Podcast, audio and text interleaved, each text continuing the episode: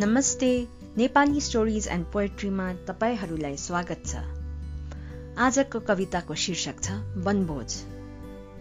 साथी भाइ मिलेर वनभोज खाने रहर। झिजा झिझी खोजेर आगो बाल्ने हरर।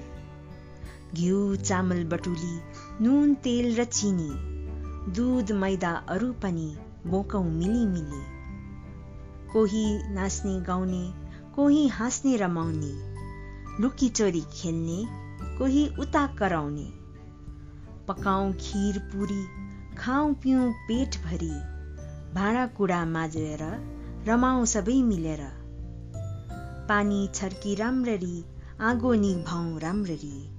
बेला भयो फर्किने सबै आफ्ना घर जाने।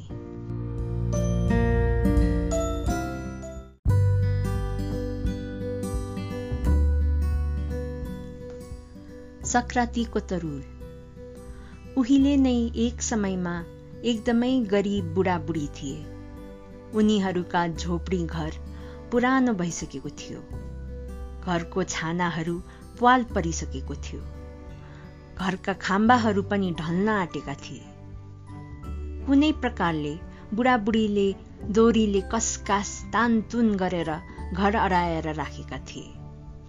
कुनै दिन ठुलो हावापानी आयो भने घर ढल्न सक्छ भनेर उनीहरू त्राही त्राही थिए।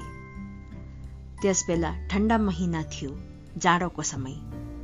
उनीहरू एक प्रकारले ढुक्कै पनि थिए। बर्खा लाग्ने बेलासम्म यो घरले थाम्छ भन्ने आशा पनि थियो। त्यति बेलासम्म केही गर्न सकिन्छ भन्ने थियो।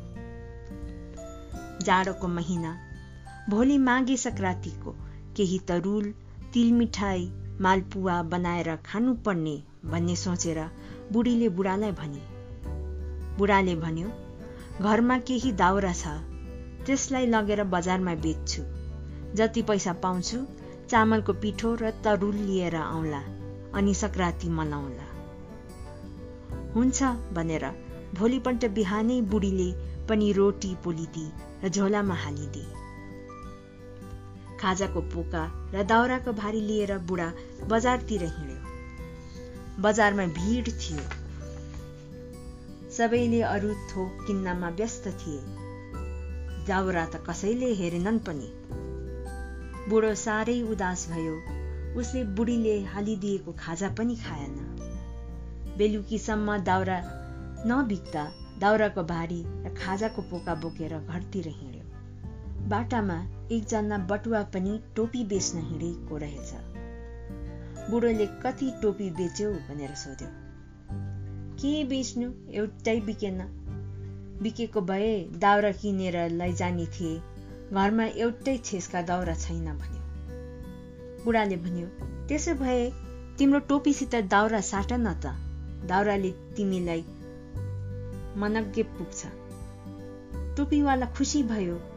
र त्यसले टोपीसित दाउरा साटेर घरतिर हिँड्यो। साँझ झमक्क परिसकेको थियो। सिमसिम पानीसित हिउँका छेर्का पनि पढ्न थाल्यो। बुढा हतार हतार घरतिर जानलाई केही अघि बढेको मात्र थियो।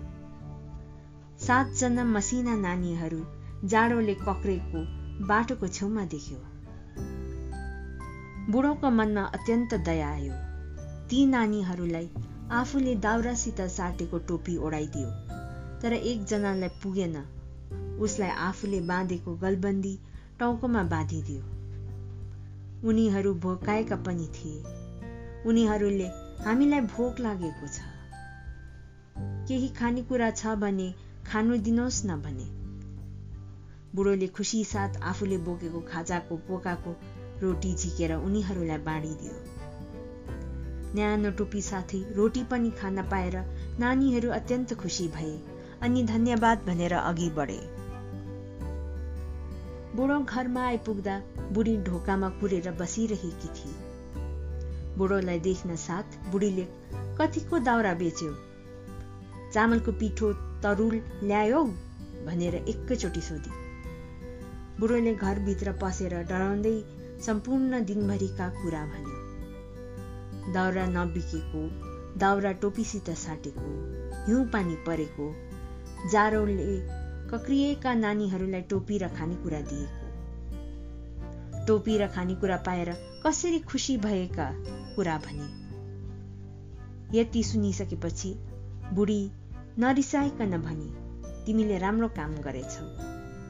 कमसे कम ती नानीहरू त खुसी भएछन् भनेर बुढी पनि खुसी भई बिहानको बाँचेको केही रोटी खाएर तिनीहरू सुते। मध्यरातमा खतरा खुत्रुको आवाज आयो। दुवै बुढाबुढी बिउजे। बाहिर जुनको टह टह उज्यालो थियो। दुवैजना बाहिर निस्के। उनीहरूको दैलोका छेउमा डोकोभरि किसिम किसिम तरुल मालपुवा तिलको मिठाई सेलरोटी थियो। उनीहरूका घर पनि राम्रा र नयाँ दरिलो बनिसकेको थियो। अलिक पर ती सातजना नानीहरू उनीहरूलाई नमस्कार गरेर ओझल भए। अब ती बुढाबुढीका घर मजबुत बनिसकेको थियो। सङ्क्रान्तिमा मनाउन तिनीहरूसित प्रशस्त खानेकुरा थियो।